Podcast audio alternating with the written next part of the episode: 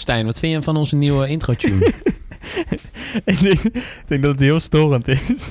ik dacht, ik eh, kom nog eens een keer bij Stijn op bezoek. En eh, nou, ik eh, ben nog niet binnen of de podcastmaterialen staan alweer op tafel. Ongelooflijk. Nou, alweer, alweer, alweer. Cheert, ik heb heel veel gekeken. Wat was de laatste keer dat we hebben opgenomen? 2019, Ja. november denk ik. Oh, Oeh, Joker. Iets eerder, iets eerder, iets eerder. Oktober. Ja, oktober. Dus dat is bijna een jaar Bijna geleden. een jaar geleden. Dus het wordt tijd Welkom voor bij onze twee. jaarlijkse podcast. Het is niet normaal. Laten we meteen even luisteren naar onze fantastische intro. Hij is onveranderd, want Cheer wilde geen nieuwe. Hier komt hij.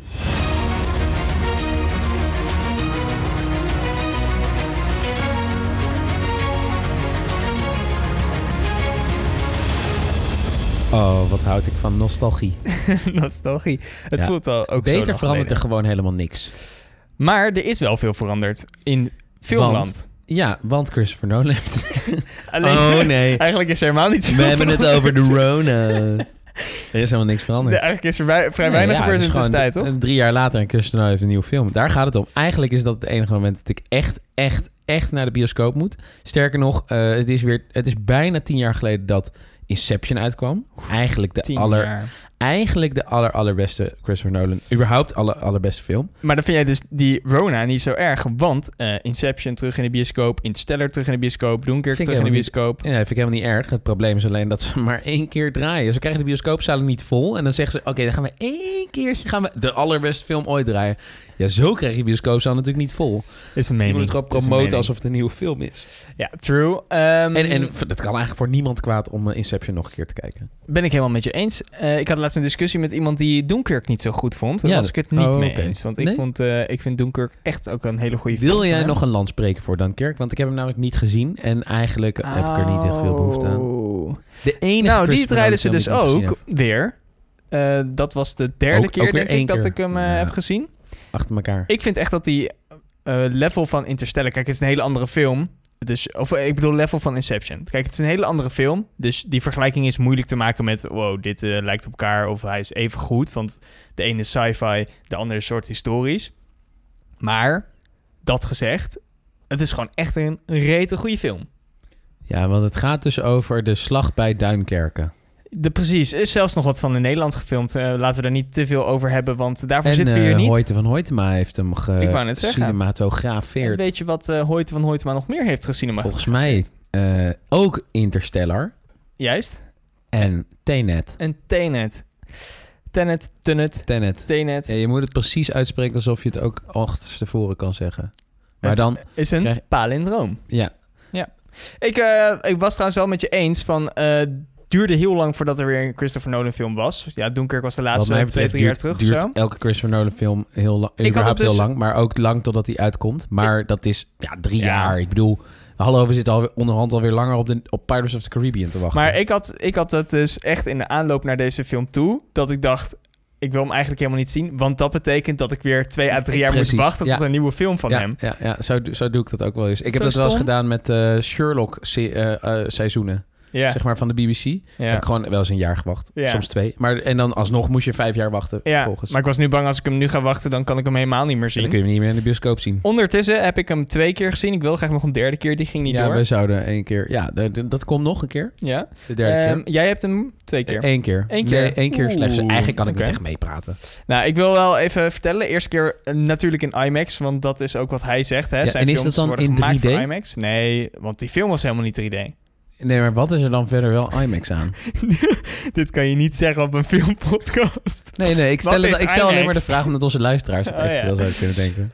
Ja, kijk, het principe van IMAX is eigenlijk gewoon ehm, een, een bepaalde manier van film kijken. Je hebt eh, Dolby. Hè? Dolby heeft ook zijn eigen eh, manier van film kijken. Dat is ook niet opeens 3D. Als de film niet 3D is, wordt, maakt het niet 3D. Oké, nou, Maar IMAX is gewoon een, een Amerikaans... eh, nou ja, wat krijg je als je met IMAX in zee gaat? Je als je moet- Amerikaans doet, dan krijg je Ja. het groter. Ja, je scherm is inderdaad groot. Ook een andere eh, beeldverhouding dan normaal. Dus dat is Breder. ook gek. Je, Eh, je ziet links en hoger. rechts. Oh, oh. Het is hoger dan normaal, zeg maar. Dus je hebt meer eh, scherm boven en onder dan normaal. Een soort vierkant scherm. Juist, in plaats... Ja, het is nog steeds recht, rechthoekig, maar normaal is het en, dus... en waarom zou je dat willen dan?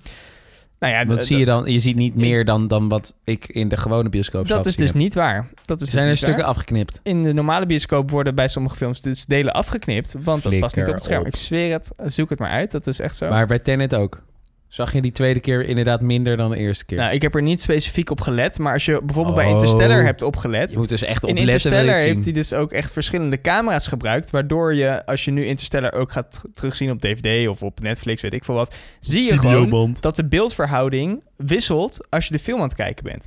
Maar je, het is zo goed gedaan dat je het niet ziet. Maar dus op een gegeven moment heb je opeens gewoon zwarte stukken links, rechts in je En beeld. dat hebben we helemaal niet door. En dat heb je gewoon niet door. Maar dus die Nou, beeldverhouding... Nou, we worden ik vind gewoon dat, bizar. Nou ja, en IMAX nog meer natuurlijk groot eh, geluid. Eh, Vroeger vond ik het te veel, maar tegenwoordig is het wel gefine-tuned. Ja, tegenwoordig ben je al een deel van je gehoor kwijt. Dus nu Ja. vult het het lekker aan. Maar wat eigenlijk het ding bij IMAX en Christopher Nolan is... dat Christopher Nolan die filmt veel van zijn films bijna helemaal op IMAX-camera's. Niet helemaal, dus Maar er zijn dus, film. dus meerdere camera's voor nodig, zeg je nu. Nou, Want het gaat jij zegt, op. Ze hebben meerdere camera's. Oh, maar niet tegelijk. Nou, ik denk ook wel tegelijk. Maar, Maar IMAX is toch... Nou, oké, dan gaan we te veel in detail. ja, nee, eh, kijk, IMAX is een bepaalde manier van filmen, maar ook een bepaalde manier van film kijken. Hij filmt dus veel met IMAX en dat is dus 70 mm IMAX is film, een hè. lifestyle. Het is echt analoog, ja, het is een maar het is analoog film wat ze filmen, 70 mm, dus groot. Dus dat is ook IMAX, echt groot, meer detail. Je kunt ook gewoon dichterbij gaan Dat zitten. is wel heel gek, want dat moet dan Dan betaal je later, 5 euro minder. moet dan later Ik gedigitaliseerd worden. je lult er ook de hele tijd doorheen, dus hoe kan je Ja, ook hallo. Ik snappen? moet toch ook hier een plekje krijgen in deze podcast. het is niet Stijn's filmpodcast. Niet? Nee, nou ja, als er jou had gelegen, hadden we ook een nieuwe tune gehad. Gelukkig heb ik daar een stokje voor gestoken, lieve luisteraars. Zo jammer. Maar oké, heel kort nog even dat IMAX. Heel hij heeft kort. dus gefilmd op IMAX. Hij zegt, daarom moet je het ook eigenlijk kijken in IMAX, want daar maak ik het wel voor. Nou, daarom heb ik de eerste keer wel in IMAX gekeken. Gigantisch gaaf ehm, manier. Nu heb je in Rotterdam Kino. En Kino is een van de Kino drie... is een nieuwe lifestyle. Een van de drie bioscopen in Nederland die films eh, op 70 mm analoog kan vertonen. Dus dat je echt naar analoge film gaat kijken. Ja, dat er dus een dat je, projector dat je staat. Flitsjes en, en eh, pluisjes en Juist. haartjes en zo ertussendoor ziet. Ik vond eigenlijk heel erg, als ik die twee vergelijk, is gewoon digitaal. Alsof je naar een digitale foto kijkt en analoog alsof je naar een analoge foto kijkt. Zo zie je het ook echt, alsof er bij een analoge is een, nou ja, zit een een, filtertje overheen, zeg maar. Dus ik vond het niet eh, mega veel toevoegen, maar het was leuk om iets op echt film te kijken. Dus daar Het heb is ik ook weer de manier, het gevoel meer wat je hebt Het is echt gevoel, dus filmervaring. Dus af en toe bedenk je van, oh ja, ik zit naar analoge film te kijken. Juist. En dan, oh, oh ja, oh ja, leuk. ik vond dus wel Net dat je zoals in de... 3D eigenlijk, wat ook nergens op Goed, daar gaan we het een andere keer over hebben. Ja. Ik vond dus dat je in de IMAX-versie wel meer details zag, omdat het digitaal was. Dat was wel gek. Maar in ieder geval wel mooi, dat analoge. Dus ik heb hem twee keer gezien, jij één keer. Wat vond je Ja. ervan? Eh, nou, ik heb hem dus niet in IMAX en niet analoog gezien. Dus eigenlijk heb ik Eigenlijk ja, maar de halve ervaring gehad. helemaal niet mee. Nee, en ik heb hem ook maar één keer gezien. Dus waar, waar hebben we het eigenlijk over? Vond je hem überhaupt wel leuk? Waarschijnlijk. Ben je wel naar de nou, goede ik film snap hem geweest? helemaal niet. Jawel, ik snap... Nou, kijk, wat eh, ik weet van de Christopher Nolan film... je moet vanaf de eerste seconde heel goed opletten. Ja. Want er zit overal iets. En, en eh, ook in de eerste vijf minuten wordt Ja. er al iets gezegd... waarvan je denkt, hmm, dit, dit, dit is een beetje raar. Die Ehm, eerste vijf minuten, had je die al gezien? Nee, natuurlijk niet. Nou, natuurlijk niet. Dat hele eerste stuk, de eerste 10 minuten, hebben ze als preview getoond. De afgelopen, denk ik, zes maanden. Als jij naar een IMAX-film ging, kreeg jij de eerste 10 minuten Ja, van maar als ik zelfs al niet naar Tenet in een IMAX... Ja. dan ga ik Nee. toch ook niet naar een andere in een IMAX? True. Maar wel Maar- gaaf, eh, toch? Ik maar vind het Stijn, weet je hoe ik zit als, voordat ik naar een film ga? Nee. Omdat ik dus niet de voorfilmpjes wil zien. Want ik weet Ja, precies klopt welke film trouwens, ik... Ja. dus als je, stel dan dat je met mij naar de film zou gaan... en je zou naast je kijken... dan zie je een jongen zitten... die helemaal onder in zijn stoel eh, eh, eh, ge- ge- ligt... ehm, met zijn ogen dicht. En Ja, die zeg maar zijn oren... oren. Die zijn oren zo, zo... zijn vingers zo in en uit zijn oren doet. Ik Zodat je zo ja. plap, plap, plap geluid krijgt... zodat je het niet hoort. Nou, ik moet zeggen, dat is maar goed, want ze lieten daar bij Tenet de trailer van Wonder Woman zien. Ik hoef die film niet meer te zien, want ik ken hem ondertussen uit mijn hoofd. Zo, jammer. Inderdaad. Zo maar ik vond het wel een spannende trailer. Ik snapte überhaupt niet echt waar die over ging, denk ik. Nee. Ik kon het niet helemaal plaatsen verder, het verhaal daarachter. Maar inderdaad, eigenlijk alle actiestukjes zaten er wel in. Maar de- ik vind het dus wel bizar dat ze dus bij Tenet gewoon de eerste 10 minuten cadeau geven. Ehm, maar Ja. het voordeel daarvan is, je weet nog niks over de rest van de film. Nee, want de eerste 10 dus- minuten dus geeft wat, niet veel wat, weg. Wat heb je dan aan dat cadeau? Zeg maar, het is alsof je het lintje je te wordt zien wel krijgt. even gehyped, want die eerste 10 minuten is wel... Het is wel vet spannend. Nou, ik moest wel vet. heel erg denken aan dus eh, een van zijn latere films, eh, The Dark Knight Rises. Eh, die Batman film met Bane. en daar op een gegeven moment dan halen ze daar, dan gaan ze daar een vliegtuig kapen. En dat doen ze dan niet op de normale manier. Wat, normaal zou je dan een pistool trekken in het vliegtuig. En dan loop je naar de cockpit en zeg je, ja, nu ga ik sturen. Maar wat- genoeg. Ze kapen het hele vliegtuig. Dus Juist. ze gaan met een groter vliegtuig boven vliegen. En dan laten ze allemaal mannetjes op bungee jump koorden. Laten ze zzz naar beneden. En dan pakken ze dat vliegtuig in. En dan, en dan scheppen ze het eigenlijk uit de lucht. Nou goed, dat gebeurt er dus niet in Tenet. Maar, Maar wat vond je eh, erop lijken? Nou, de, de- gewoon dat eerste stuk. Dus echt die, die enorme explosies. En, en ja, ja. zo, nou, vooral... Echt een binnenkomer. Dus ja, de, het georganiseerde overval is Ja. het eigenlijk. Dus ook iedereen in, weet eh, precies wat hij moet doen. Eh, alles is uitgedacht. En het is dat een beetje het, zijn stijl, hè, want- Christopher Nolan eh, Ja. ding. Want de Dark Knight, de normale Dark Knight, hè, met Batman eh, Begins. Heath Ledger. Nee, dus de, de, de, de middelste. Oh, ja, oh ja, Zat, sorry. dat begon Dark met de scène in de bank. Ja, was dat ze ook ook meteen precies. actie. Ja, ja, ja, dus ja, dat is ja. wel een beetje zijn signature move ondertussen. Ja, dus daar vond ik het wel, dat vond ik wel prachtig. Ja. En, en ik zat dus zo goed op te letten eigenlijk bij die film, dat ik op een gegeven moment denk na een half uur door had, dat ik eigenlijk niks... Ja, je kunt, je kunt het scherm zo groot maken als je wil, maar bij een Christopher Nolan film zit ik alleen maar de ondertiteling te lezen. Ja? Want anders volg ik het niet. Oh, ja. grappig. En, en alsnog volgde ik het niet. Maar ik denk wel dat ik redelijk een goede, go- goed idee heb van hoe, wat er nou gebeurd is. Ja, ik vond dus vooral echt bij deze film... Kijk, je kan films meerdere keren kijken omdat je het gewoon leuk vindt. Bij deze film snapte ik hem de tweede keer ook echt zoveel beter dan de Ja? eerste keer. En zag ik echt dingen die, waarvan ik dacht... Wow, dat heb ik de eerste keer helemaal niet gezien. Maar omschrijf logisch. maar had je het aan de, bij de eerste keer had je wel het idee van, oké, ja, ja, sommige stukken begreep ik misschien niet, maar al met al is het wel eh, duidelijk wat er, wat er Ja, gebeurd is. Ja, dat had ik wel. En dat had ik met de tweede keer wat, nog wat meer. Ik heb nog een paar stukken waarvan ik denk... oké, dit snap ik nog niet helemaal. Maar ik denk dat het ook niet bedoeld is om helemaal te snappen. Nee, maar het klopt ook niet helemaal. Hij heeft Nee, het niet gemaakt om helemaal accuraat eh, te zijn. Nou, dit zeg jij wel. Maar hij heeft wel overleg gehad met meneer eh, de Kip Thorne. En dat was ook degene waar hij met Interstellar overleg eh, heeft gehad. Dat is gewoon een Een wetenschapper. eh, natuurkundige. Ja, en die, die weet heel veel over, toen vooral heelal, hè, maar wel veel over science. Eh, daar heeft hij opnieuw overleg mee gehad, omdat hij wel graag wilde dat het allemaal zo realistisch mogelijk was. Dus ja. het is niet gebaseerd op, eh, op waarheid, maar het is wel, stel Ja, het zou en ik kunnen. denk ook dat het, dat het niet anders mogelijk is dat, dan, Nee. dan dat deze man zelf ook ontzettend slim is en veel van natuurkunde weet. ja. Want anders snap je alsnog helemaal niet wat zo'n kiptorne dan zegt. Nee, ik las ook weer dat hij ook dit verhaal, eh, Christopher Nolan, dan alweer, nou, tientallen jaren, nou weet ik, nu misschien overdrijf ik, maar in ieder geval al heel lang weer bij zich ja, droeg. Ja, zo Dan denk ik, ook eh, stra- straks zijn opeens die verhalen op. Wat moet hij dan? Nou, bedoel, Ik heb inderdaad. het gevoel dat hij met al zijn films, ja, dat had hij al wel. In nou, wat ik dus zo knap vind, is dus... eh, ehm, je, je- als ik een verhaal moet verzinnen... dan is het ene verhaal gaat over dit... en het andere verhaal gaat over heel iets anders. Maar hij, hij weet dus veel verhalen te verzinnen... die allemaal een beetje in hetzelfde spectrum passen. En dan dus, dus over eh één... tijd is een issue... eh, tijdreizen, tijdperceptie... ehm, eh, het, het, het, het, het implanteren van ideeën en zo. Ja. Het komt altijd, altijd terug. En dan daarbuiten heb je dan ook nog eens dat hij er zulke vette, eh, ja, soort bijna espionageachtige films van maakt. En eh, Ja. het grappige is dus, da, dat, dat is ook, dat zeg ik niet voor niets misschien, nou, misschien wel, misschien is het toeval, zeg maar, maar Mr. Bond. eh, ja, hij, hij wilde dus zo graag film maken die heel erg leek op het gevoel wat je vroeger kreeg als je een echte oude James Bond met Roger Moore of zo. En dan noemen ze een James Bond die jij ontzettend gaaf vond. Nou, ik, ik ben idee. wel, nou, ik ben wel eerlijk. De laatste Oh, paar misschien heb ik gezien. Deze vraag. nee, maar Ongemakkelijk. Zeg maar, voor mij was de echte James ook, Bond gewoon, ja. was... ehm, Pierce Brosnan. Voor Pierce Brosnan. Ja, ja. Dat was de tijd dat Ja, ik ben dat is opgegroeid. precies, dat dus dat is heel wel. gek. Ja. Dus die, ik heb, de, ik heb de oude wel eens gezien. Maar alsnog, als je dus... Ja, en nu eh, natuurlijk Daniel Craig. Maar ja, ik ga niet meer zo ver terug. Nee, maar wat nou... Kijk, het mooie... En dan zou je misschien eigenlijk voor de grap eens een keer... een echte oude James Bond moeten zien. En, eh, Ik, ik raad Roger Moore aan. Dat is Ja. gewoon echt een prachtige vent. Maar hij Maar- was ook echt heel erg fan hè, van de James Bond films. Ja, en dat wilde hij wilde eigenlijk dat. en Misschien is het ook wel omdat hij die nieuwe James Bond niet- niet- nou, minder vet vond of zo. Maar hij wilde juist die, dat klassieke gevoel wilde die terug. Hij is ook een beetje een romanticus, net als ik. Ik wil geleerd dingen ook graag hetzelfde houden. Hè.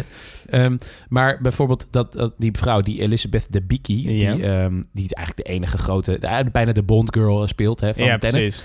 Ehm, er zit een foto op IMDb ehm, van haar in deze film. Ja. En dat is een foto met dat zij eh, een duikpak aan heeft. Ik laat hem even aan je zien. ja. Eh, en ik, nou, ik had het dus niet zo, zo gezien, zeg maar, als een soort James Bond-achtige film dit. Maar nu ik naar die foto kijk, denk ik, nou, dit komt regelrecht uit een jaren tachtig Bond film. grappig. Ehm, Die stijl bedoel je Die ook? stijl, ja, precies. Ja. Zo'n zo'n zo'n prachtige vrouw. Hè? Want zij, die Debiki, dat is... eh, nou, als zij geen model is, weet ik het ook niet. Ze is meters lang. Ze is echt twee meter zoveel, geloof ik.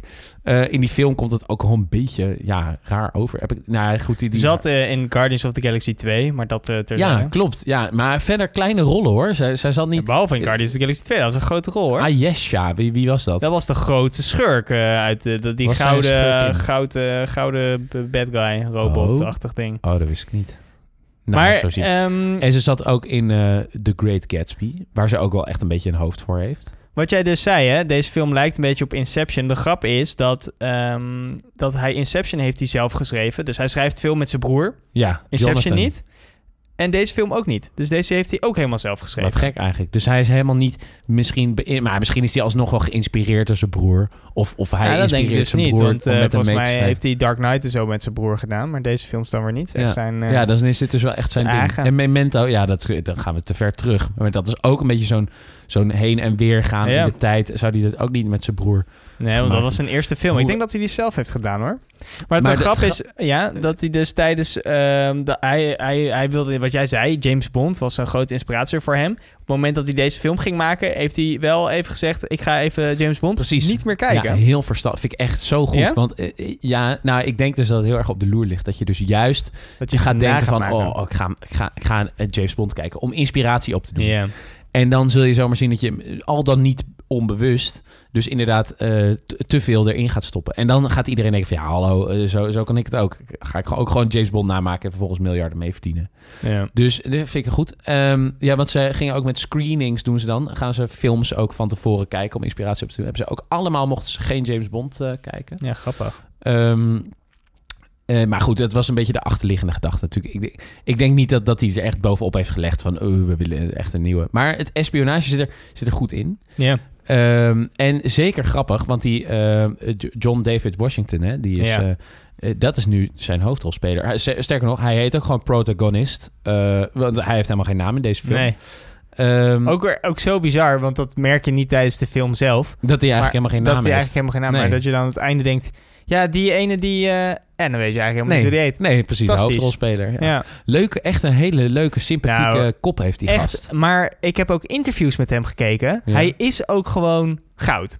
Hij heeft humor, hij is gewoon slim, eh, mooi vent. Dan Nou. denk ik echt, ja, dit, dit, dit Ik dacht waarom is hij zo lang, waarom is hij zo lang niet in zo'n grote film geweest? Hij heeft natuurlijk een hele Ah. andere achtergrond.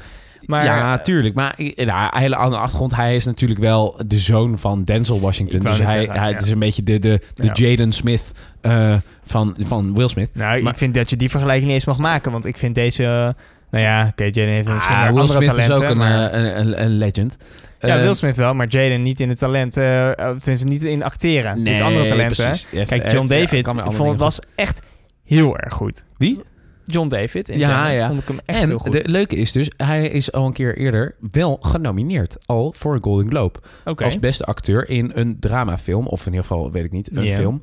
Eh, en dat was voor de Black KK Klansman. Ah, dat klopt Ja, inderdaad. daar was hij ook hoofdrolspeler. Grappig. Heeft Ja, hij bijna ja, even hoog cijfer gehaald met die film als voor deze film. 8,5 of 7,5 heeft hij Black KK Klansman. Ja. En eh, Tenet is wel wat gezakt in de peilingen. Eh 7,8 heeft hij nu. ja, dus dat is nog eh, hartstikke hoog. vind ik, Nou, hè. vind ik matig. Weet je, ik denk ook dat het te maken heeft met... In Amerika is die nog niet helemaal uit, hè? Die film, nog steeds niet. En volgens mij zijn Amerikanen meestal gewoon heel erg positief over iets. Dus dan is het een 10. Het is dat, dat gevoel had ik Is een beetje. dat- ik Nou, denk dat is wij Europeanen veel kritischer zijn dan... Ja, hij is in sommige delen uit in Amerika. Oké. Dan Amerikanen. Terwijl ik heb wel het idee dat Kan Europeanen vaak, vaak wat beter zijn in dit soort moeilijke films. Maar Begrijpen. deze film dus, eigenlijk eh, wat, eh, waar we nu een beetje op komen... zou al best wel een tijdje geleden uit zijn gekomen. Maart, Ja. denk ik zelfs. Dat, ja, ik denk dat ik vorig jaar al wel eh, dingen had gezien Ja. en dacht, oh ja, nou, dat is bijna zover. Nou, werd natuurlijk door de Rona steeds een beetje uitgesteld. Uiteindelijk heeft eh, Warner Brothers wel zijn ballen laten zien... in plaats eh, van Disney die, ja, die in een hoekje gaat die, die staan. de nu. keutel weer heeft ingetrokken. Zo jammer. Maar Warner heel blij mee. Die hebben gezegd, we gaan dit gewoon doen. Aan de andere kant denk ik dat het niet helemaal is bevallen... Want eh, hebben ze wel weer andere films, dus Wonder Woman, eh, naar kerst eh, verplaatst. Terwijl Wonder Woman eigenlijk ook in oktober Oh, dat uit heeft zou komen. Warner gedaan ook. Of zelfs eerder. Ehm, ja, dus die hebben ze wel verplaatst. Dus ik vraag me af of dan Tenet toch tegenviel. Hun redenering was erachter ze- van- Zullen ze toch al wel voor Tenet ge, ge- besloten nee, nee, nee, dat is echt afgelopen, volgens mij twee weken terug is besloten. Ja, maar ik kan me niet En, voorstellen dat het tegenviel. Want ik lees overal dat hij echt mega veel geld opbrengt. Ja, En kijk, wat dus, wat dus een, echt een supermooie zet is van eh, ze... is dat dit is nu de enige film, eigenlijk. ja, Als je nu naar de bioscoop gaat... ja, dan heb je de keuze of eh, tussen, weet ik veel... Ja. eh Hartenstraat of zo. Een of andere rare Nederlandse film... waarbij ze allemaal nou, met plexiglas schermen dan alsnog zijn gaan filmen misschien. Ja.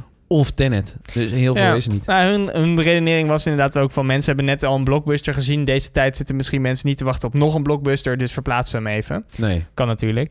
Ehm, maar ik ben wel heel blij dat ze uiteindelijk hebben gezegd: we brengen hem uit. Ik denk dat het ook waard was, want wat jij al zei, hij verbreekt het een na het andere record. Ook al eh, zeg maar records die buiten de hele Rona omstonden. Hè? Dus in Nederland het record voor het meeste aantal bezoekers in de eerste 24 uur of eerste 48 uur. Tijdens een weekend. pandemie. Ja, precies. In ieder geval echt ehm goede cijfers. Kijk, Nederland telt al niet helemaal mee. Want deze film, je ziet het er niet aan, vind ik, heeft wel gewoon bijna 205 miljoen dollar gekost.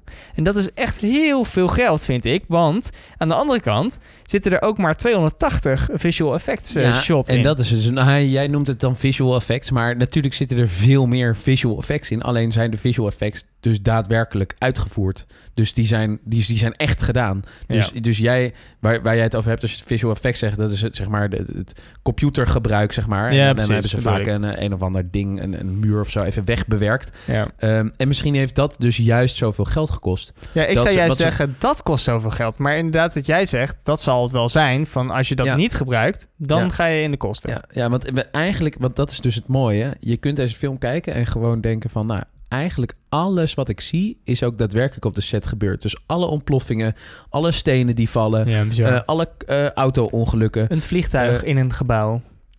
Bijvoorbeeld.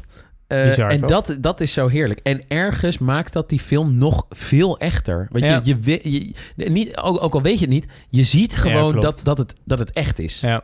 Bizar ook, want als je dan weer even terug gaat denken naar die hele film, dat stuk met die auto's, dat ze zo, dat hebben ze dus ook precies zo echt Ja. geschoten. Ja, en, ze hebben dus, en het grappige is, en daar heb ik filmpjes van gezien, eh, dat, dat mensen, wat, ze ze hebben dus er- ergens in het Oostblok of zo, waar, waar is het? eh, Ja, ja, ja, Litouwen. Of, eh, Ja. nou, hebben ze het opgenomen.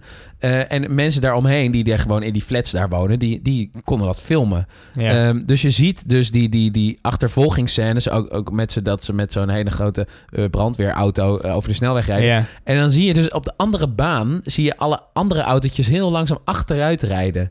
En het gaat maar door. Dus ze moeten daar ook kilometers eh, weg voor hebben afgezet. En eh, daar hebben ze dus allemaal mensen voor ingehuurd om dat, eh, om dat voor elkaar te krijgen.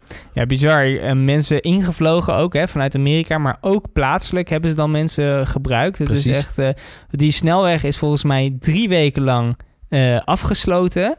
Dat was gewoon een, een weg die normaal ge- gebruikt werd daar. Ja, hebben dus, ze gezegd, jongens, eh, sorry, maar dat kan even, kan, kan even niet ja, meer. iedereen zat toch thuis te werken, dus ze hebben waarschijnlijk niet... Ongelooflijk. nodig En eh, wat ik net al zei, dat vliegtuig. Dat is niet waar, maar- Ze hebben, ik heb wel gelezen dat ze, oké, ze hebben een vliegtuig, dat moet in een gebouw. Hè, dat is een, een, een deel van de scène.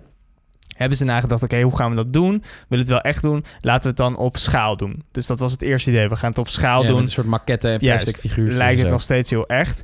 Ehm, maar tijdens hun research eh, voor die film zijn ze eh, achtergekomen dat er in Amerika heb je een plek en daar, staan allemaal vliegtuigen die niet meer worden gebruikt. Dus het is een soort ja, Kerkhof. kerkhof voor vliegtuigen.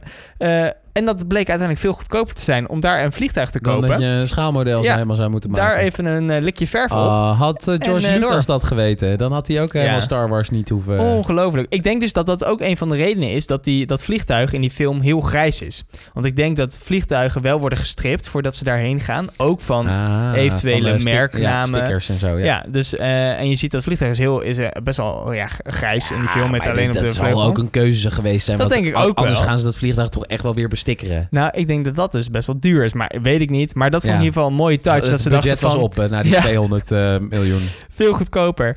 Terugkomend op dat eh, budget. wel een risicootje om dan die film nu uit te laten gaan. Want 200 miljoen dollar is best wel wat geld voordat je dat terug hebt. Ja, voor zo'n gokje. Nou ja, gokje zal het niet helemaal zijn, maar het is ja, wel een risico dat je je geld niet meer terugverdient, denk ik. Ja, Maar goed, aan de andere bioscoop kant... is natuurlijk wel de grootste inkomstenbron. Ik denk niet, Ja. ik denk dat de hele streamingsdiensten en dvd's verkopen en zo, dat volgens mij Nee, dat klopt. niks aan. Maar goed, in deze tijd risicovol. Nou, dan hebben we natuurlijk wel het geluk dat Christopher Nolan ook wel echt een, eh, een cinema-liefhebber is. Hè? Dus die eh, heeft denk ik wel de druk opgevoerd bij eh, Warner met... we willen gewoon dat deze film nu uitgaat. want Ja. mensen wachten erop. Ja, zou kunnen. En toch heeft hij gezegd, je moet er niet heen gaan. Wat dan? Christopher Nolan heeft gezegd, je moet niet naar Tenet gaan. Hij, hij vond het te, ehm, te belangrijk dat mensen niet eh, risico Niet. liepen om, eh, ja, echt waar, om Maar eh, corona op te Voor lopen. bepaalde, ik neem aan, in bepaalde Nee, landen nee, dan. Nee, nee, nee, hij heeft echt gezegd van, eh, Tenet komt uit, maar je moet er niet heen. Dat is gek, hè? Ja, geloof ik niet. Ja, van. nee, dat is echt waar. Zoek op. Oké, ga het opzoeken. Ja, nou, doe dan. Ik vind het inderdaad een hele Vertel ik ondertussen iets leuks over... Nee, nou, over. Leonardo DiCaprio. Nee, Want die zat ook niet in deze Nee. film. Dat was heel jammer. ik, ik heb altijd maar met Christopher Nolan. Die heeft, ik had op een gegeven moment het idee van... Ah, hij gebruikt Michael leuke acteur, Ja. acteurs. Gebruikt hij zo vaak. En hij had Tom, bijvoorbeeld Tom Hardy. Heeft hij denk ik echt wel... Nou, drie, vier keer nu. Ja, klopt. Hij zat in ieder geval in Batman eh, The Dark Knight Ja, eh, Rises. Was die Bane. En hij zat ook in... Dunkirk. eh, oh, ook in Dunkirk. Want hij zat ook in Inception. Ja, klopt. Ehm, dus ik dacht, nou, misschien zien we die wel terug. Eh, maar in ieder geval, dus die was er niet. En ik heb de hele lijst bekeken. Niemand van zijn eerste film zat erin, behalve Michael Caine. Ja. Eh, Michael Caine zit volgens mij in al zijn films. ja, is bijna, een bijna. eh, dikke vriend van hem natuurlijk. Ja. En, maar wie dus, wat, wat ik net al eigenlijk even zei... eh, nog meer oude eh, vrienden van, van eh Christopher Nolan hebben in ieder geval meegegaan. In ieder geval Hoyt van Hoytema, de Nederlandse cinematograaf... die echt ontzettend goed is. Oh, Pijnlijk. Oh, dan gaat een door. fun fact. Gênant zeg. Maar ehm, goed, eh, die, die heeft dus meegedaan. En het probleem is dan wel dat de legendarische muziek die we dan kennen van Inception en van eh, Interstellar, Ja, ja, die heerlijke orgelmuziek, oh, en die, die, die langzame, dat langzame opvoeren van geluid, weet je wel, dat je af en toe pling een plongeltje hoort en dan, en dan op een gegeven moment helemaal meegesleept wordt, een draaikolk van, van een, eh, nou ja, eh, een geluid. Ehm, alleen ja, Hans Zimmer die was bezig met Dune.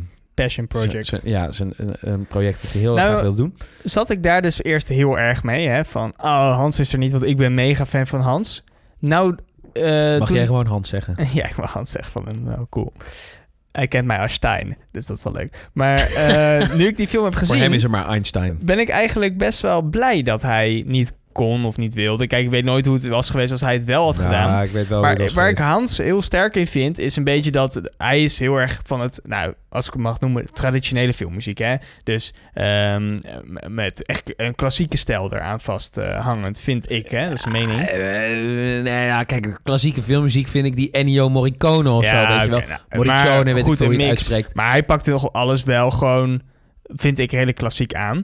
Deze Ludwig Göransson, die het nu heeft gedaan. Een eh, Oost Oostenrijker? Is, is, Nee, komt dit hetzelfde land als... eh, volgens mij eh, of zo. Oh. Hij komt in ieder geval ergens uit het noorden. Maar hij heeft dus eh, op aanraden van Hans eh, is hij in dit eh, pro- project gekomen. Ja, een vriend. Ja, dat is mooi. Want het is dus een, een soort... Een hele jonge gast. Met, Ja, met, met eh, lang haar. Een beetje, beetje alternatieve kerel. Jonge gast, hij heeft vorige week, zeg ik deze week, heeft hij... Zijn negentiende verjaardag. Nee, Oh. heeft hij een, EGOT gewonnen. Een EGOT. Dus dat is dat? de, de Emmy, eh, de Golden Globe, eh, Alles in één. de Oscar Allemaal omgesmolten tot één hele en grote dan de. T. Waar zou de T voor staan? EGOT. Geen idee, maar hij heeft dus een Emmy gewonnen voor de muziek die hij heeft gemaakt voor The Mandalorian. Hè, die seizoen 2 komt op Disney+. Plus. Heeft hij zijn Emmy voor gekregen. En dat betekent dus dat je EGOT bent. Dan heb je dus elke belangrijke filmprijs. Heeft hij ook een Oscar al? Hij heeft ook al een Oscar. Voor welke? Black Panther heeft hij eh, gemaakt. Vl- ga weg. Ja, ik zweer het. Dus hij is Heeft gewoon Black Panther, even serieus, Black Panther een Oscar gekregen? voor beste muziek volgens mij wel, ja. Maar ehm, hij is dus gewoon Want ehm, was ziek dat jaar, denk ik. ontzettend goed. Maar wat ik dus wel sterk vond, is dat hij geeft wel echt een hele lekkere, moderne twist aan de muziek. Want ik vond de muziek in deze film heel sterk. Op momenten dat je zeg maar dat ze eh, inverted gaan, hoor je soms dus de muziek ook opeens inverted Ja. zijn. Ja. En ook gewoon aan het begin lekker die bam, bam, bam, bam, bam. Nou, dat vond ik echt top. Ik zeg niet dat Hans dat niet had kunnen doen. Maar ik denk wel dat het lekker was dat hij, eh, dat eh, Ludwig het heeft eh, mogen Ik heb doen. ook gelezen dat een van die acteurs, of, of ik weet het eigenlijk niet meer. Ah, wat een slecht fact. Maar of een van de acteurs, of ehm, eh, eh, de regisseur, dat die een soort hijggeluiden, dat die ook weer gebruikt zijn ja, ja, ja. tijdens, eh, tijdens de muziek. Nou goed, sle- eh, slecht verhaal. Dus Maar- ergens jammer dat Hans het niet heeft gedaan. Maar hele goede eh, plan B. Ja, nee, vind ik wel. Nou, en, en het is ook wel mooi als je zo'n nieuwe gast... eh, Ja. eh, eh, die, die leert hier ook weer van.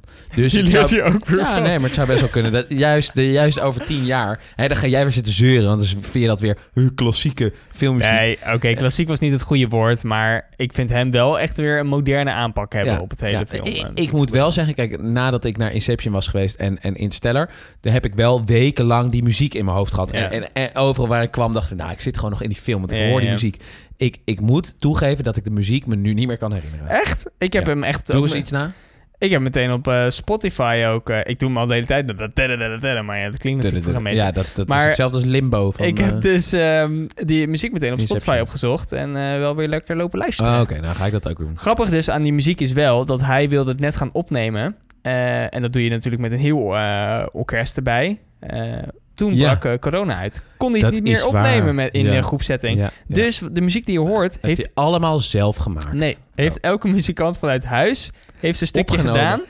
Opgenomen, ingestuurd en dat is allemaal bij elkaar geplakt. Jongens, waarom hebben we überhaupt nog symfonieorkesten? Ongelooflijk. Dit werkt dat blijkbaar. is eh, werken vanuit huis. maar eh, hoe bizar, want dan moeten al die eh, gasten, Ja. de muzikanten moeten een soort filmstudio hebben gehad. Anders Nou, hoor je toch gewoon op de achtergrond auto's rijden en je, en je, je kind. zou maar de pauken doen en je buren zitten ernaast. Nou, inderdaad. Nou, jij, hebt, jij hebt het weer over de buren. Nou goed. Ehm, Maar wel vet. Eén ding wat we nog niet hebben besproken is de bad guy in deze film. Ik weet, ik weet niet meer hoe, Ja. hoe, die, hoe die heet in de film. Eh, maar buiten de film, Ja, ik in weet het wel. echte leven, Nee, weet ik weet wel het hoe die heet. Eh, hij heet namelijk, eh, dan moet ik heel snel scrollen, Kenneth Branagh. Dacht jij het wist. Eh, weet ik wel. En de grap is dus, hij speelt een of andere Oostblokker in deze film. En dat is hij super goed. Ik werd ook helemaal bang van hem. Echt waar, joh. Ehm, ja, ja. Het is een hè? Eh, hij blijkt gewoon uit Ierland te komen. En weet je waar wij hem van kennen? Toen had hij dus een minder eh, eh, ongeschoren hoofd. Hij is Frederik Roderick Ja, in Harry Potter. Smalhart van Harry Potter. en hij zat in en- Dunkirk.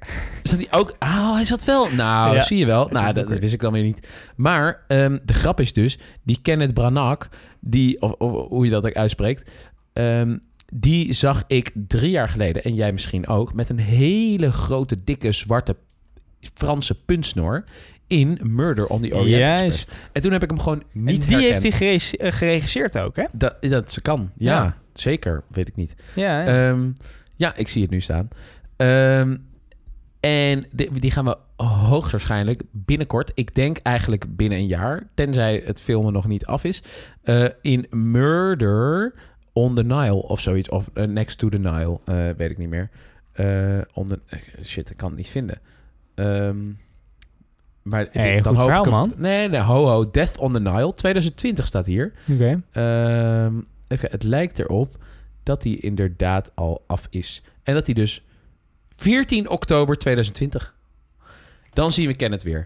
En, waar, en wat, wat ging hij dan doen, zei je? Nou, dan doet hij de tweede. Dus hij heeft de eerste Murder on the Orient Express heeft hij, eh, heeft hij gefilmd als Poirot. Ehm, dat is een, een reverfilming eigenlijk van de, eh, een van de boeken, eigenlijk het bekendste boek van Agatha Christie. En nu komt Tweede deel. ja, het tweede deel gewoon, gewoon een nieuw boek van Agatha Christie. Ja, ja, ja. Eh, Death on the Nile. Gaaf. Ja, en ik, daar kijk ik ontzettend naar uit. En raad eens wie er nog meer in speelt. Nog voor Wonder Ja, dat Woman. kan ik niet raden. Oh, Gal Gadot. Ja, die zit er ook in. Wat goed. Nou, dan zien we er toch nog. Oktober. Oh, kijk ja, die wordt uit. sowieso ook uitgesteld, denk ik echt. Nou ja, het staat hier. Ja, ik geloof er niks meer van. Nee, nee, nee, het staat hier. Wat ik dus ook wel mooi vind aan deze films, is dat er, tenminste deze film nu in het eh, specifiek, is dat er altijd heel veel geheimhouding omheen cirkelt, hè. Ja. Dus eh, ik las ook dat eh, toen die John David Washington uiteindelijk was gekozen, mocht hij het script komen lezen op het kantoor van Ja, Christopher in Nolan. een soort eh, kluis. Ja, dus hij heeft het zeker niet thuis gekregen. Nou, hetzelfde was eh, voor de rest van de cast. En veel van de cast, waaronder ook eh, Sir Michael Caine, die kregen niet het hele script, maar alleen even de passages Precies. waar hij in zat. Want dan Ja. waren ze bang dat het script ergens zou verdwijnen en dat eigenlijk het hele verhaal zou uitlekken. Want de verrassing natuurlijk wel van zijn films zijn die plot twisten ook weer aan het einde en het hele verhaal zelf. D- dus ik vond het wel mooi. Dat, dat- Oké, je bent super bekend. Je mag in een film komen spelen. Maar je moet wel heel even naar een kantoortje... om daar eh, vier, vijf uur lang het script te lezen. En het schijnt ook dat die John David... die zei ook van... Ik snap Het script, ik snap er nog geen reet van. En ik heb elke keer, dan eh, was ik aan het lezen, moest ik weer terug, omdat ik niet meer wist wat daarvoor was gebeurd. Precies. En dan wist ik niet meer wat vooruit ging en wat achteruit ging. Het, is, het lijkt me Ja. ook een horror om dit op papier te, te lezen. Ja, nou ja, kijk, dat lezen dat is dan tot daaraan toe. Maar stel nou dat je dus dit bedenkt. Stel Ja. nou dat je ergens... eh, dat lijkt me zo lastig als je dus op een gegeven moment wakker wordt met een idee. En dan denk je, oh, dit is goed zeg. Oh, dan doe ik dit ook en dit Ja. ook. En voor je het weet ben je het weer kwijt. Ja, Want het is, dit is zo ingewikkeld. ja of Eh, dat, je de- dat, het, i- dat het idee dat je dat op een gegeven moment hebt. En dan denk je, oké, hoe ga ik dit uitvoeren? Precies. Hoe ga ik dit logisch eh, laten zien Ja. aan andere mensen... dat zij ook begrijpen wat ik bedoel? Ja, en, en hoe onthoud ik het? Dus Ja. als ik zeg maar op, op 50% zit, eh, hoe, hoe weet ik dan wat, wat ik nou al precies heb gehad? En, en wat ik dan moet terug laten komen? En hoe ik dat dus la- laatst gedaan heb. Ik heb ehm, eh, de, de, ehm, die andere film van deze man gezien. The Prestige ja. uit 2006. Heb echt enorm mooie film. Ja. Met, met eh, die gast die Batman speelt. eh, Chris- Zeker, eh, Christian Bale. Christian Bale. En, en die andere gast die eh, Mm. Wolverine speelt. Ja, ja. Eh, hoe heet die? ook Hugh? Jackman. Hugh Jackman. Ehm, En, en Michael Caine. en, en Oh, eh, Scarlett Johansson. Scarlett Johansson. Ja, goed. Ja, precies. Klopt, die zit er ook in. Eh, ook een soort super. Wat een cast, hè? Ehm, maar ik, ik had op een gegeven moment een, een idee van... oh, zo, misschien zit het zo in elkaar. En toen heb ik daar... En ik moest iets met dat idee, zeg maar. Dus Ja. toen heb ik het uitgetekend. Hoe, hoe ga ik dit nog duidelijker maken? Ja. Dus ik toen gedaan... Hoe ga ik dit aan de, aan de wereld kenbaar maken? Want eh, nou, dit is echt geniaal. Dus toen heb ik een eh, PowerPoint-presentatie ervan gemaakt. Op een vrije zondag. Die heb ik geüpload naar YouTube. K- kunnen jullie allemaal ook bekijken. Ehm, maar Hoe heet zo het? Doet, het heet ehm Did Borden Kill a Copy? Ja, maar daar gaat het uiteindelijk om. Dat Borden die vermoordt iemand. Ja. En, en dan vra- dan is de vraag van... Is dat nou het origineel of is dat eigenlijk een kloon van die... Nou goed, er wordt veel te... Mensen haken alweer af als ze kloon horen. Ehm, maar goed, ik, ik maak er dan een PowerPoint-presentatie van. Maar hoe, hoe ze dat dan in deze internet hebben gemaakt... Ja. Ze, ze hebben een soort heel computermodel gemaakt. Oh, is dat Eh, zo? met, ja, met, met, eh, die, die achtervolging, zeg maar, die die dan ook weer, weer achterstevoren doet, zeg maar. Eh, die hebben ze helemaal in een computer hebben ze een soort 3D-model van gemaakt, die volgens mij ook bewoog. Wat vet. En dan konden ze per shot konden ze bepalen, oké, deze auto staat nu hier, dit Ah, staat nu ja. daar, dit gebeurt hier, dit gebeurt daar.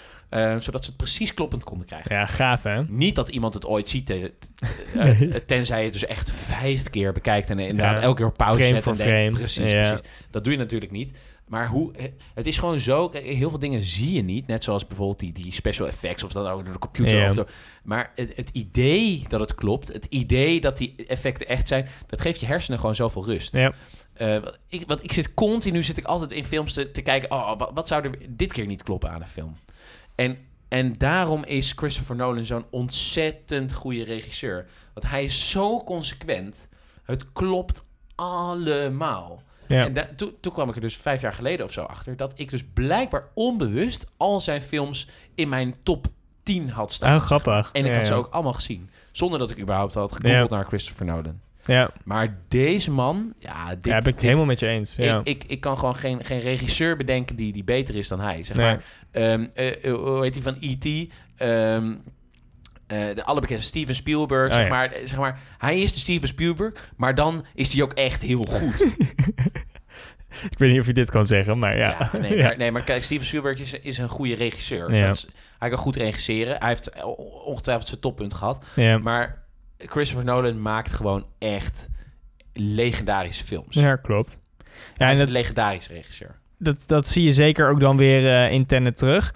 Ehm, je, stel, stel, jij zou iets moeten noemen wat je wat minder vond aan de film. Heb je dan iets eh, wat je te mind schiet? Want ik heb wel dus iets.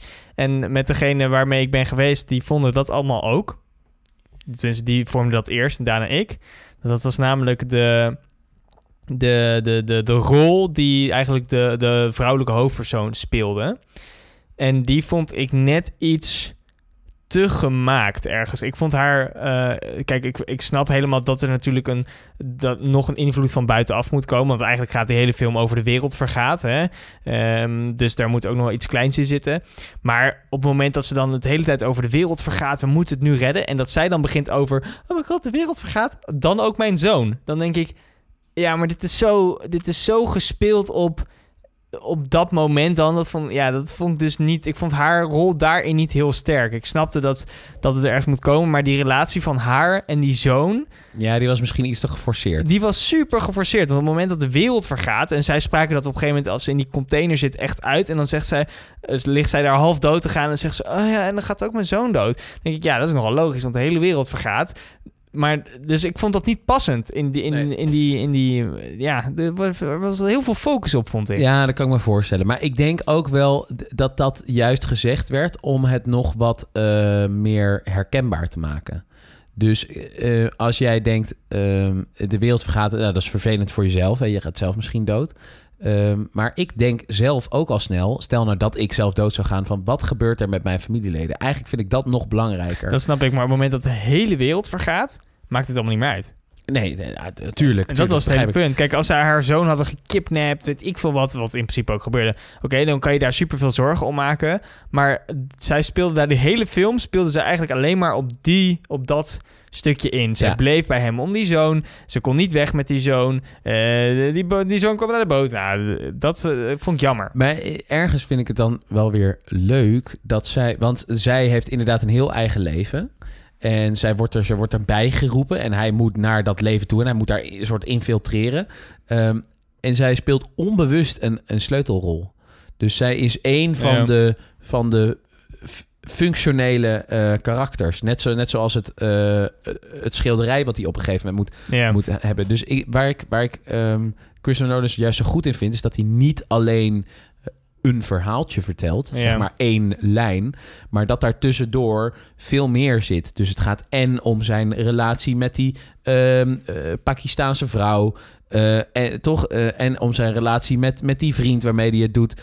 En dan weer die Michael Caine die er tussendoor komt. En dan blijkt er een of andere schilderij te zijn. En de schilderij blijkt dan ook nog in een of andere safehouse te zitten. Dus er zit, Maar zit ik heb het idee, in. zeg maar, dat, ehm, dat hij een, een algemene verhaallijn in zijn hoofd had. En een beetje wist, oké, hier gebeurt dat en hier gebeurt dat. En dat hij het aan elkaar moest binden. En dat hij toen dacht, oké, hoe ga ik Ja, dat doen? Oké, nodig. ik stop die vrouw daarin. En die vrouw Ja. die is geforceerd bij hem, want hij is een klootzak. En hij moet echt een klootzak zijn. Hij moet niet Ja. ook een beetje leuk zijn. Nee, hij is gewoon een klootzak. Dus die vrouw vindt hem helemaal niks. Maar hij, eh, die vrouw moet daar blijven. Waarom moet die vrouw daar blijven? Zij eh, hebben een kind. Ja, dus dit kind wordt de hele tijd als pion gebruikt. En die, dat, die relatie vind ik ook niet zo goed. Want die John David doet alles voor die vrouw. Die, die gaat helemaal inverted om die vrouw te redden. Maar de motivatie daarvoor, die mist een beetje. Want ik ben blij dat er niet een, een climax op het einde zit... dat ze elkaar eh, in nog omhelzen, weet ik veel wat. Maar waarom doet hij zoveel moeite voor haar... als dat niet per se de rol is die hij zou Ja. moeten spelen, zeg maar. ja, Dus ik dat begrijp vond ik een dus, beetje jammer. Dus misschien voor de echte puristen zou het wat te overdreven zijn. Maar aan de andere kant denk ik wel dat als je dat dus weg zou laten, dat het dan een hele statische film Ja, zou worden. eens. Dus, dus dan heb je inderdaad de hele natuurkunde en, en de spannende schieten, bladibla. Ehm maar je wil ook een beetje een emotioneel aspect. En, en juist, dat is hetzelfde met James Bond. Die vrouw hoeft daar helemaal niet in.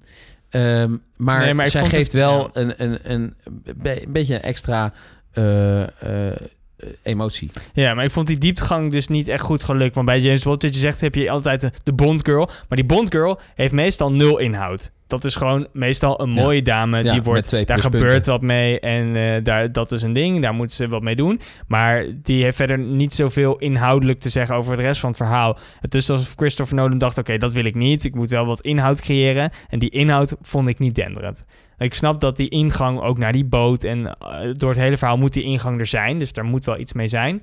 Maar die vond ik ni- soms niet helemaal geslaagd. Het deed verder Nee. niet af van de film. Maar dat vond ik... eh, dat, nee, dat, ja, je dat hebt had hem natuurlijk eh, twee keer gezien, dus jij zal het wel Ik weten. zie allemaal dingen, joh. Dat is niet normaal. Ehm, maar als jij dan nu een beetje de puntjes hebt op een rijtje... eh, wat voor een cijfer zou jij hem geven? Je zei op Ja. IMDb is iets omlaag gaan van een Ja, 8 naar een ik- ik- 7,8. De 7,8 is die zeker, dat is zeker ondergewaardeerd. Ik, Ja, minstens een 8,5. Wat geef jij Inception?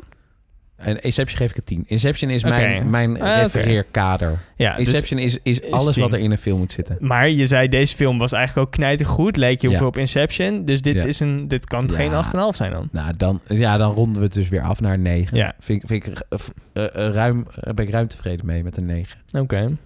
Nou, kan ik ook mee leven hoor. Ik vind inderdaad, Inception is bij mij ook een 10. Dat is gewoon hoe een film hoort te zijn. Alles erop en eraan. Muziek, Alles, nou, alles wat je op kan Ja, noemen. eigenlijk ging het mij meer gewoon om Leonardo DiCaprio. Titanic krijgt ook gewoon een 10. Tien. Maakt, maakt, maakt niet uit. Romeo en. Julia, alle- allemaal een 10. Slik maar op. Deze film vond ik inderdaad 8,5, 9. Ik zou hem 8,5 geven. Leuk. Want, eh, Ja. Maar inderdaad, mega goed. Maar is, is deze film nou... Kijk, wij, wij zitten hier als twee filmnerds, zeg maar. Ja. Eh, twee mannen. eh, een beetje te stinken hier. Wij vinden dit Spreek al heel goed. jezelf, maar is dit... zou, zou er nou ook een publiek zijn wat deze film niet leuk vindt? Weet ik niet zo goed. Wat ik heel erg leuk vond, is dat toen ik de film ging zien... dat was volgens mij de eerste vrijdag dat hij draaide. Eh, dus donderdag ging hij uit. Vrijdag eh, moest ik in de rij staan voor de bioscoop. Eh, iedereen had al kaartjes, maar je, je moet natuurlijk even wachten voor je naar binnen gaat. Maar ik moest gewoon weer in de rij staan. Dat vond ik super leuk. Want de vorige keer dat ik in de rij heb gestaan voor een bioscoop was heel lang geleden. En ik mis altijd een beetje die sfeer. En in die rijen stonden heel veel verschillende soorten mensen. Kijk, meestal heb je bijvoorbeeld... Ja, dat klinkt misschien heel stereotyperend, maar ik hoorde zelf een, ook eh, bij. Christopher Nolan film zijn als allemaal dezelfde mensen in de rij staan. ja, allemaal inverted ook. Maar als je bijvoorbeeld naar eh, de eerste Marvel-film gaat, zeg maar, dat ben ik ook wel eens geweest. Hoor, ik hoor zelf ook bij die mensen, maar dat zijn wel Ja, be- van die bepaalde met lang mensen. haar, met van die, van die rock t-shirts en nou, zo. ik heb geen lang haar, en, maar goed. Het zijn allemaal een beetje hetzelfde soort Nee, mensen. Maar deze meer. mensen waren, vond ik echt eh, super divers. Eh, dus ik gok dat deze film ook een heel breed publiek aanspreekt. Ja. En ook al ben je niet heel erg into de Christopher Nolan en snap je het verhaal niet helemaal, het is alsnog een rete vette actiefilm ook. Ja. Dus ik denk dat, deze, dat heel veel mensen deze film heel vet vinden. Maar ik denk ook dat er veel mensen zijn eh, die hem, net zoals wij, heel vet vinden. En daarom nog een tweede of een derde keer gaan, omdat ze het ook willen begrijpen. Want ik kreeg ook wel dat gevoel dat er heel veel mensen in die zaal, toen ze wegliepen, zeiden van... Oké, we moeten hem nog een keer gaan kijken, want dit, dit en dit. En dat is ook wel echt de moeite waard. Dat vind ik echt. Ja, en ik denk ook wel dat er misschien mensen zijn die niet naar deze film zijn gegaan. eh, gewoon omdat ze denken dat het geen leuke film is. Ik denk juist dat deze film. Ja, denk je Eh, dat er echt dit- mensen zijn die... eh, tuurlijk zijn er ja? mensen die niet naar deze film. mijn, mijn ouders gaan toch ook niet naar deze film? Nee, oké, maar dat ligt niet aan de, niet aan de film. Kijk, Ja, ja, wel, niet heel Nederlands naar die film gaan, dat snap Nee, ik. maar, Maar, nee, al, al, al, al was het nu 2022, waren mijn ouders nog niet naar deze film. nee, maar als je ouders van actiefilms hadden gehouden, waren ze waarschijnlijk wel Ja, maar dat, dat bedoel ik dus. Dus het, kijk, eh, hij, hij lijkt heel erg op eh, The Dark Knight Rises. Eh, Maar daar gaan mensen, zeg maar, het, het, het ander soort filmpubliek gaat daar nooit heen. Die gaan niet naar een superheldenfilm, niet naar een actiefilm, niet naar een man met een enorm masker en, en hele rare eh, nou, sociale experimenten, weet ik veel. Ehm als dat meer dan gewoon een Dark Knight. Maar eh, ik denk wel dat deze film een soort mensen kan introduceren in een, een andere vorm van. eh, of eh, een, een, een andere soort film. Dus, dus meer richting de actiefilm. Omdat er, omdat er zoveel in zit. Eh, ik was bijvoorbeeld met mijn vriendin Babette. En die was in eerste instantie zou nooit naar deze film gaan zijn. Shout-out naar Babette. Ja, dat wilde ze graag. Ehm zou nooit naar deze film gaan zijn. Ja, ten- totdat je Wacht even. krijgt met zo'n Is nerd. dit echt een aanvraag geweest? Wilde zij echt graag een shout-out? Ja, ja. Echt serieus? Ja, ja. Hoe, hoe is dit dan ter sprake gekomen? Ik zei gewoon vanmiddag van, eh, ga je naar barbecue en dan ga ik eh, eh, podcast doen. En dan zei ze, ja, je moet ook wel een shout-out doen, want eh, ja, ik heb met jou gezien. Dus Is het waar? ja, ja. Oké, nou leuk. Bij deze shout-out naar Babette. 06. Nee.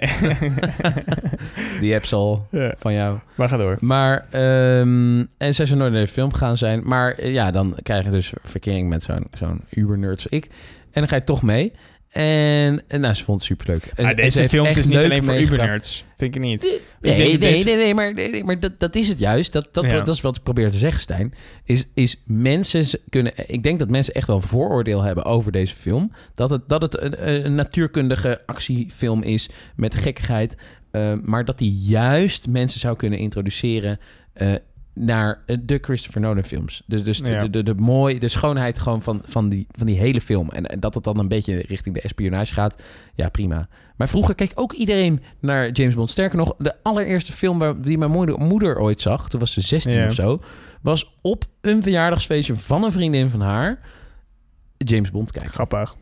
Ik denk dat je ergens wel gelijk hebt, maar ik wil wel zeggen, het verschil tussen een Batman-film en deze film is... Kijk, Batman is een, echt een superhelden actiefilm. Dus daar ga je wel heen als je fan bent van een superheldenfilm. Deze film wordt echt, is echt in de markt gezet. Ook al ken je heel Christopher Nolan niet en nooit wat, wat hij heeft gedaan, ken je niemand die in de film ziet. Als je deze, eh, als je zit, als je deze trailer kijkt, dan wil je naar die film. Want als je van actiefilms houdt, dan ziet dit eruit als een vette actiefilm. Ja, ja. Ik vind dat dit niet dat er, dit eruit ziet als een een film vol gekkigheid of zo. Maar ik ben wel Nee, met je maar eens het, als is je dit- wel, het, het doet wel een beetje, het lijkt een beetje op eh, The Day the Earth Stood Still en Independence Day en zo. Ja. En dat soort, dat soort beetje alien-achtige dingen. Maar dan, dat we, dat zeg maar, ik vind het een soort intelligente Hollywood actiefilm. Alleen dan zonder eigenlijk Hollywood. Dus het is een intelligente actiefilm. Ja. Want het gaat verder dan alleen actie en nutteloze actie. Maar er zit. En ik vind het ook mooi dat ze de actie eigenlijk heel klein houden. Want het gaat over de wereld vergaat. Maar waar inderdaad een Independence Day, weet ik veel wat, allemaal kapot maakt. En groot, groter, groot. ja, dat je in Gaat allemaal... dit, wordt het juist heel erg ingezoomd op Ja. maar een paar mensen en op maar één gebeurtenis. En dat vind Ja. ik zo mooi. Dus er Ja. speelt heel veel, er staat heel veel op het spel. Maar het hoeft allemaal niet te ontploffen, niet Michael, Michael Bay-stijl, maar gewoon intelligent. Gewoon Precies. echt een Ja, goed En verhaal. dat is wat mensen moeten weten. En Ja. als ze onze filmpodcast luisteren, dan weten ze dat. Dan weten ze dat vanaf nu. Ehm, ja, jongens, we- dit, dit was Tenet. Ik zou zeggen, als je hem nog niet hebt gezien, kan me het haast niet voorstellen. Maar als je hem nog niet hebt gezien, ga hem kijken.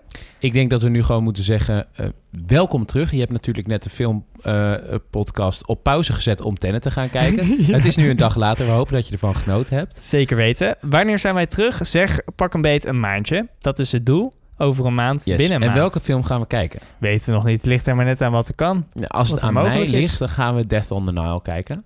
June komt dus ook binnenkort, hè? June.